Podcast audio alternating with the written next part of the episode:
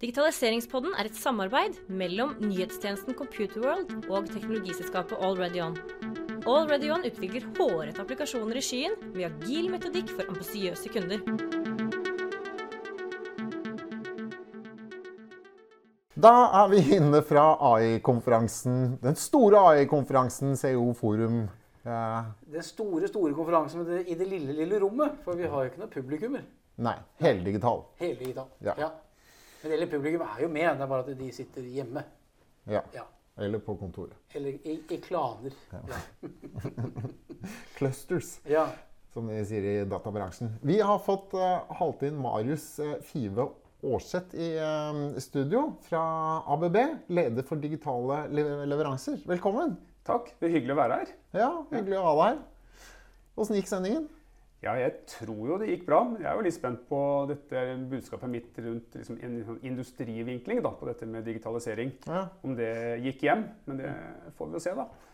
Men du, ABB, da tenker jeg sånn oljenæringen og svære sånne elinstallasjoner og, og sånn. Men, men, men digitale leveranser, hva, hva er det ABB driver med for tiden? Ja, ikke sant? Vi er jo et kjempesvært konglomerat. da. Det er liksom eh, hund- over 100 000 ansatte, og gudene vet hva alle sammen driver med. Svensk-sveitsisk? Ja, vi driver oss, Man sier det. Svensk-sveitsisk opprinnelse. Også, men, men de ABB står ikke for noe lenger. Det Firmaet heter ABB. Var det ikke ASEA Jo, men det, vi, vi driver ikke med det lenger. Nei, nei, nei, ABB. Ja. Ja. Ja, vi driver med veldig mye, og det er sant som du sier at eh, store, tunge produkter, motorer Vi er sikkert eh, verdens, eller verdens nest største leverandør av elektromotorer totalt sett. For eksempel, og vi er eh, den kanskje største leverandøren av automasjonssystemer til olje- og gassbransjen i Norge. Så vi har, jeg vet ikke om vi har 40 eller 50% markedsandel eller noe sånt der. Ja, det er mye. Ja, det er veldig mye. Altså. Så, men det jo, dette har vi drevet med si, i alle år. Eh, men vi er jo midt oppe i det grønne skiftet, sånn som resten av samfunnet i Norge. Eh, og det jeg er opptatt av, er på en måte hvordan kan vi bruke den organisasjonen vi har i Norge, og den kunnskapen vi har, og de relasjonene vi har, som et aktivt virkemiddel i å, i å drive dette grønne skiftet reelt. Ikke bare snakke om det, som det er mange som eh, gjør, men faktisk gjøre det. Eh, Og her det er jo å gjøre grønt skifte til noe lønnsomt, da. går ut fra. ja, det er det det må være. ikke sant? Det må være lønnsomt, og det må være hjelpe disse kundene våre til å løse reelle problemer de har, som gjør de bedre. Eh, Bedre i form av eh, mindre fotavtrykk på det de driver med, eller- og økt lønnsomhet på butikken deres. Hvis ikke så, blir det, så fører det ikke fram. Nei. Nei. Men hva var det du snakket om i, i, da du var i studio? Jo, nei, jeg snakket om eh, For det er hvor- AI som er et tema. Temaet er AI. Det tok jo litt tid å komme fram til AI-delen av, eh, av historien min. Så jeg snakket litt om hvorfor vi er eh, en aktør innenfor AI. Og det er denne erfaringsbasen fra f.eks. olje og gass eh, på systemer og produkter. Men også det at vi har jeg er litt stolt av det her. da. Jeg mener at vi har et av Norges eh, kan si, sterkeste helhetlige team innenfor industrial data science, kalte jeg det i dag. da. Men det betyr egentlig eh, folk som er vant til å løse operasjonelle problemstillinger ute hos kunder som driver en eller annen fabrikk, basert på eh, tung faglig kunnskap, praktisk tilnærming og data. Ja. Eh, og sånn som jeg ser det, så er det her egentlig et utgangspunkt for å kunne jobbe med problemstillinger eh, knyttet til eh, som du kan løse da, med AI eller maskinlæring. Så du må ha den derre Vi skal løse et problem som noen vil at jeg skal løse. Du må, ha- det som et utgangspunkt, tenker jeg. eh, For å treffe den der eh, spikeren, eller hva man skal treffe til slutt. Men det var vel eh, litt eh, spesifikt inn mot eh, computer vision, eller altså dette med, med bildegjenkjenning, som det som mye dreide seg om i, i Ja, det var det, det, det som måte var eh, den eksempelcasen min. da. Så, altså, Fiskeoppdrett foregår jo faktisk under vann. Så det er vanskelig å se hva som foregår nedi der. ikke sant? Så da skal du ha en oversikt over hvordan det står til med fisken, og, og sånt, så må du ha noe kamera nedi der. Og det, den informasjonen på de bildene er jo, det kan du sitte og se på, men å nyttiggjøre seg den informasjonen, da, da, da kommer vi jo fort over til eh, bildegjenkjenning og maskinlæring og AI-teknologi. På første trinn er jo da kanskje å lære den AI-maskinen å gjenkjenne at det er en laks. da.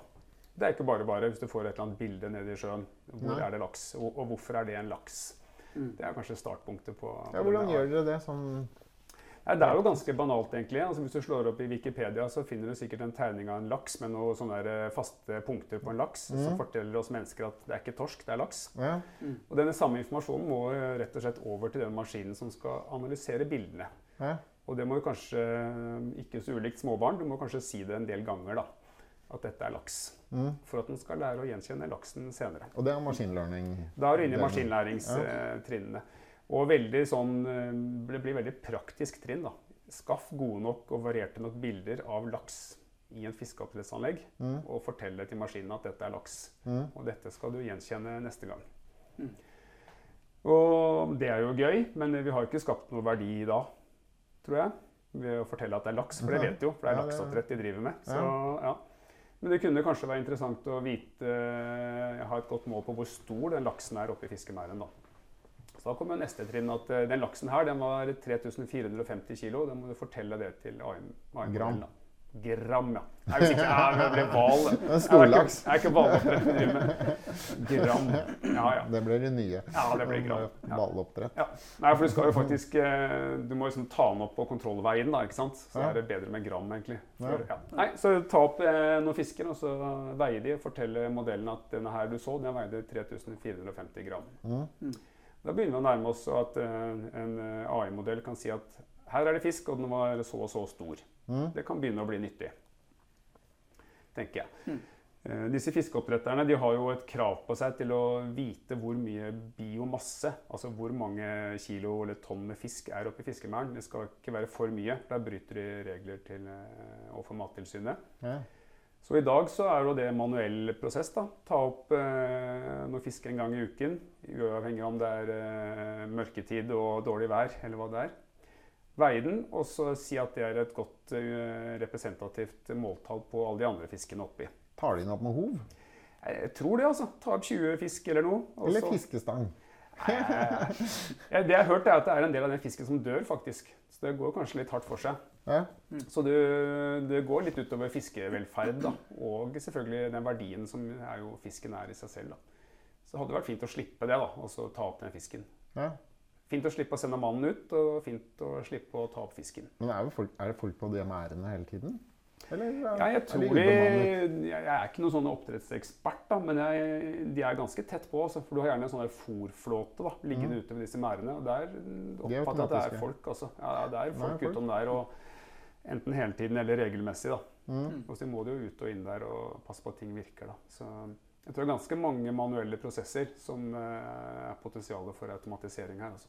Ja, altså Mye sånne repeterende øvelser som kan ses på som unødvendig når man har teknologi. Ja. Eh, Og og jeg tenker også dette med identifisering av Mm. Vi var inne på dette med lus, altså lakselus. Altså. Det er jo ganske mange bruksområder dette kan benyttes til å fange data. Ja, Du har jo flere sånne uheldige situasjoner som du ikke, vil, ikke ønsker da, rundt fiskeoppdrett. Du vil ikke ha lus på fisken. Og du vil ikke pøse på med sånne pellets da, som fisken spiser. Så mye at det bare renner tvers gjennom hele merden og blir liggende Mhm. på bunnen. Det, da har du en kostnad, og så har du en forurensning. da.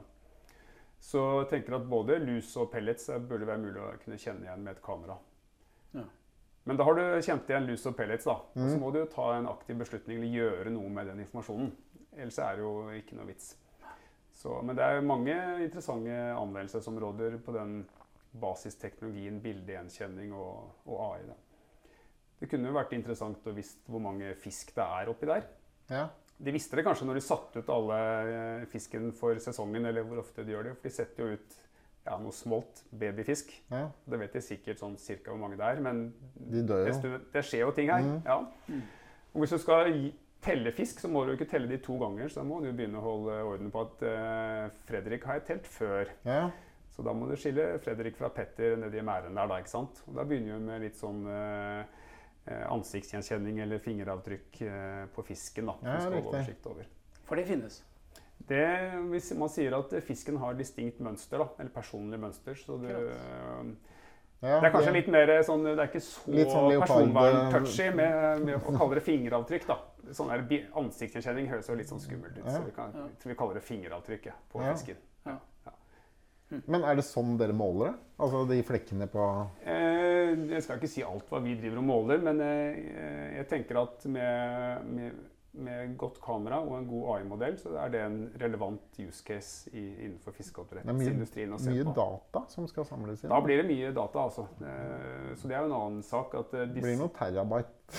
Ja, det blir i løpet av en sånn eh, filming. Ja, så De som syns det er gøy med mye, kan sikkert sitte og telle og synes det er eh, sykt Mm. mye data. Men det er jo et praktisk problem, for disse fiskemerdene er jo ikke liksom der hvor du har, har den feiteste fiberlinjen. da. De ligger Nei. ute i en fjord eller Nå putter du disse fiskemerdene ut i havet så der har du kanskje ikke fiber. Så du må gjøre noe eh, smart prosessering av de dataene her.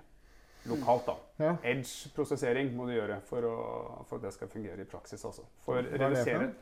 Jeg tenker at eh, Du putter den AI-modellen på en maskin der ute. Ja, Vi kaller det for edge i, industrien. Mm. Nære prosessen.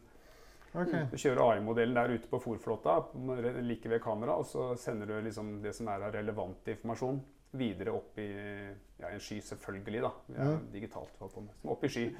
Og så kan Ja, men da er det de dataene som er Ja. ferdig tygd, ja, det som er noe ikke hele filmen. Nei, de sender ikke hele filmen opp. Ja. Jeg tror jeg blir, Da går en kule varmt på mm. den der eh, mobillinjen ute i fòrflåta. Altså. Ja, det tror jeg. Ja, det tror jeg ikke går. Så en liten flytende serverrom.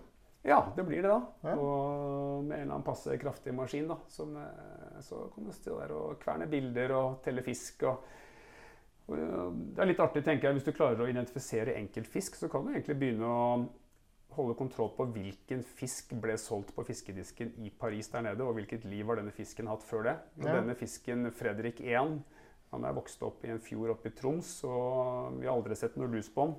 Ikke har han skade. Og vi vi kan dokumentere at du har et bærekraftig oppdrettsanlegg.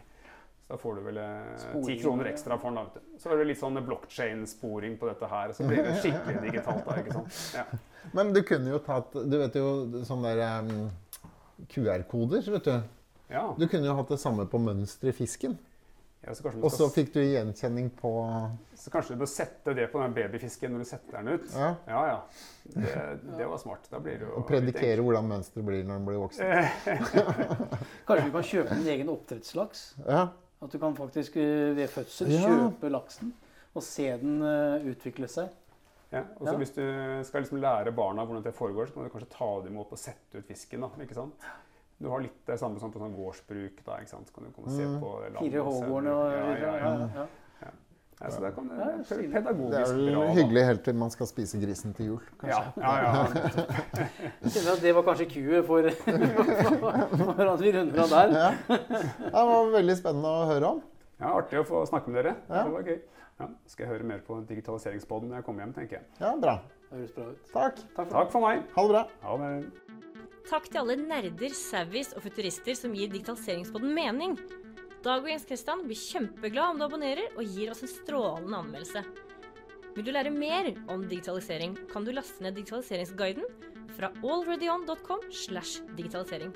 Til vi høres igjen, ha en fantastisk uke.